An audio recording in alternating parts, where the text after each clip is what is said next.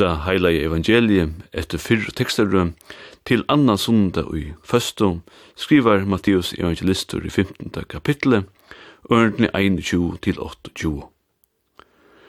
Og Jesus får bortrehiane og held ferne mot bygdaløvnen vi Tyrus og Sidon, og sui ein kananeisk kona kom ut om marskasjelen i herr og råpa i og sige.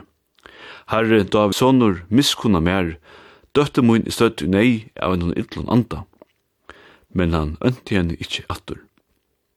Og lærersvenn hans har komo og bau han og søttum, slepp der fra henne til at hun gonger og råpar etter okkon. Men han sverai og sier, Jeg er ikkje sender ut utan til der borstuvils og seinar ur Israels huset.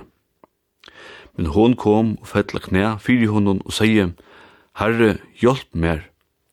Men han sverai og sier, Det er ikkje vekkust at teka breie tja bøtten og blekka hunden hun til. Men hun sier, Satt er til herre, men hundan er eta tå av målen som detta nyer av husbøndans båre. Ta sværa i Jesus og sier vi hana, Kona, stor er tryggtuin, ver her som du vilt, og døtter hennara ver frysk fra tar som stund. Vi først skal du hugsa til sera vel om, og er du vel rett, tia. Prætig og teksten til morgen er særlig og tannhått at her møter vi Jesus fra en sujo som ikkje ofta er at høyra. Eit godt dømi om at det er godt at vi i kyrkjene hava eina tekster å halda okkom til. Du heter nøyre okkom at lesa tekster som vi annars kanskje høyt å låpi om. Og det er jo det som hendan sendingen hetta heilige evangeliet skrivar snur seg om, nemlig at visa hvert tekstarøyen hever bjóa i morgen.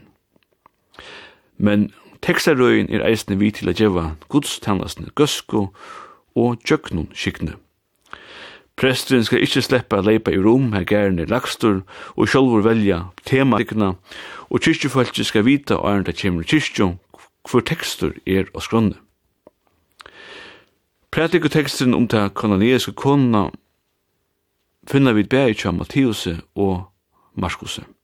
Kja Marskuse ver to sagt at hon er av syrufu nikriskun uppruna og Jesus ikkje yngst enn ekkert skulle vita at han narskaist Tyrus. Frasøkene minner ikkje sørst om det ferien at ha mammer, bor og småbøten til Jesus og lærersvennerne kvastra og terborstor og fyrir hesa kvinnur ikkje skuldu órekva Jesus.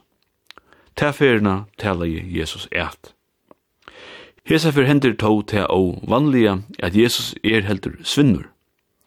Konan byr Jesus letja døttur sína, men Jesus sværa henne ikkje og læresvennarnir by henne sleppa seg bostur. Og så er det at Jesus sier at han er kommet til Israels folk og samarbeid og beinleis ånder folkeslø vi hundar men konan er to ikkje så at teppa. Hon veit at vi først skal ein hugsa seg vel om, åren ein velur at tia. Hon er kvika sværa at hundan er eta korsten målanar så dette av husbundans båre.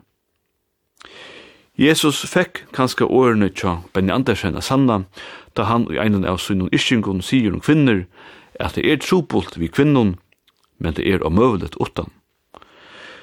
Tui utan at vita til standa við helst öll skuld til hessa kananeiske kvinnerne, og i sunda fyrsta utanifra breit mørkjene mittlen jötar og onnur falkaslø. Hon er ikkje jöte, men voa je at bia jötan Jesus om hjelp.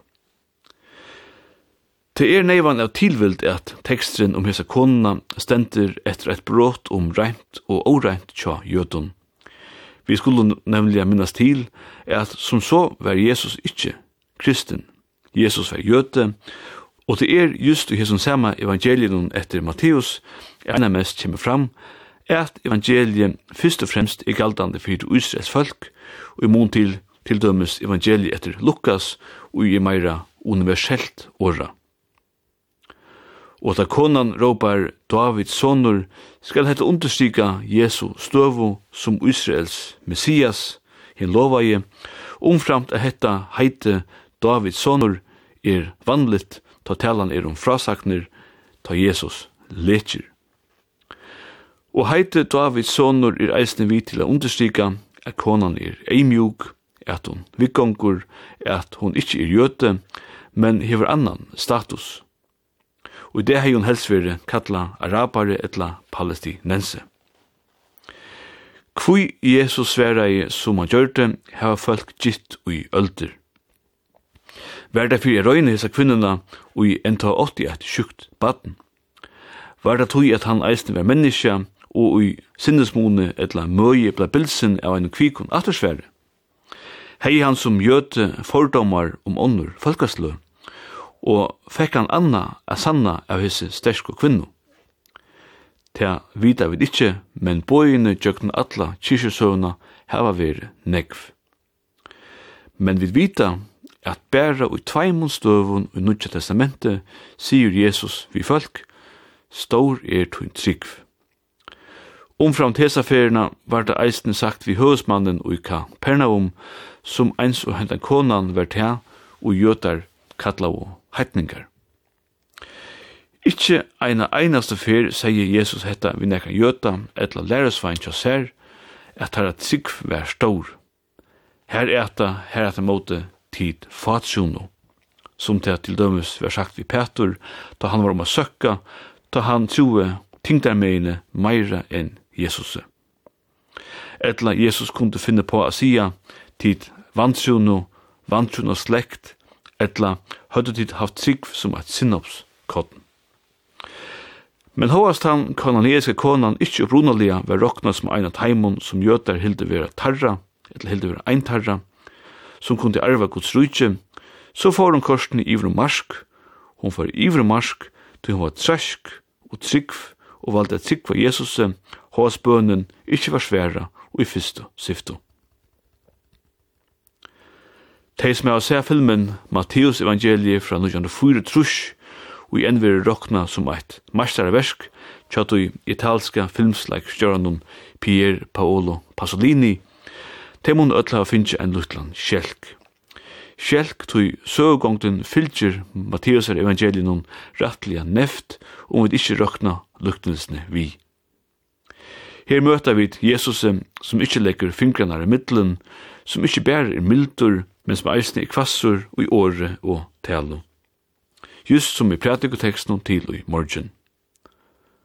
Hoast Pasolini bæver kommunister og samkjentur og kritiskur motvis katolsku kyrkjene, altså sera kontroversieller og sin samtøy, så valde paven i samband vi 100 åra jubileumet tja films listene fyrir etrondene nukken åren sujane, at gjerra sle av einar films kanon vi 45 filmen. Og eins og Jesus brøtte tonan motvis kvinnene, brøtte paven tona motvis Pasolini. Og just Matteus evangeliet tja Pasolini syner bestsøkna frasohotten hotten tja Matteus hever suttja kussu Jesus som jøte greier synun jøtesku landsmannen og kvinnen fra sinne læro og kussu sværene kunne fatla at Jesus bæg vær god og menneske, og at han, som godfrøyga kunne finne på å si, eisen hei eina menneskeslige natur.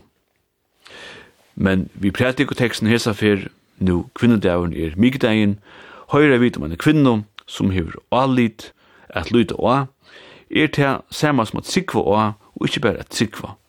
At sikven er kjølfest ut tui og i truver oa, og at vi ikkje er einsamøtl, hos kvinnan kanskje kjente seg så. Lykka som første tøyen skal minna kun av tan einsamatla Jesus i oi mørsene. At lyta av at Jesus som menneska valgte a liva okkara liv, og at vi honom rann saman atur mittlen god og menneska, ikkje berre mittlen god og Israel, men eisne folk ur kanans lande og folkaslø ur allar verene. Tøy trygg og alit er ikkje at lyta innetter, men at lyta og og at bytja og neka som er større enn vid. Vid enda kvöld vi salmenon kvinna og tøyn trygg er stersk, som er salmer nummer 184 i salma bojene, grundvik yrste og syvna skære tøytte til førest. Gåan, sånn og det.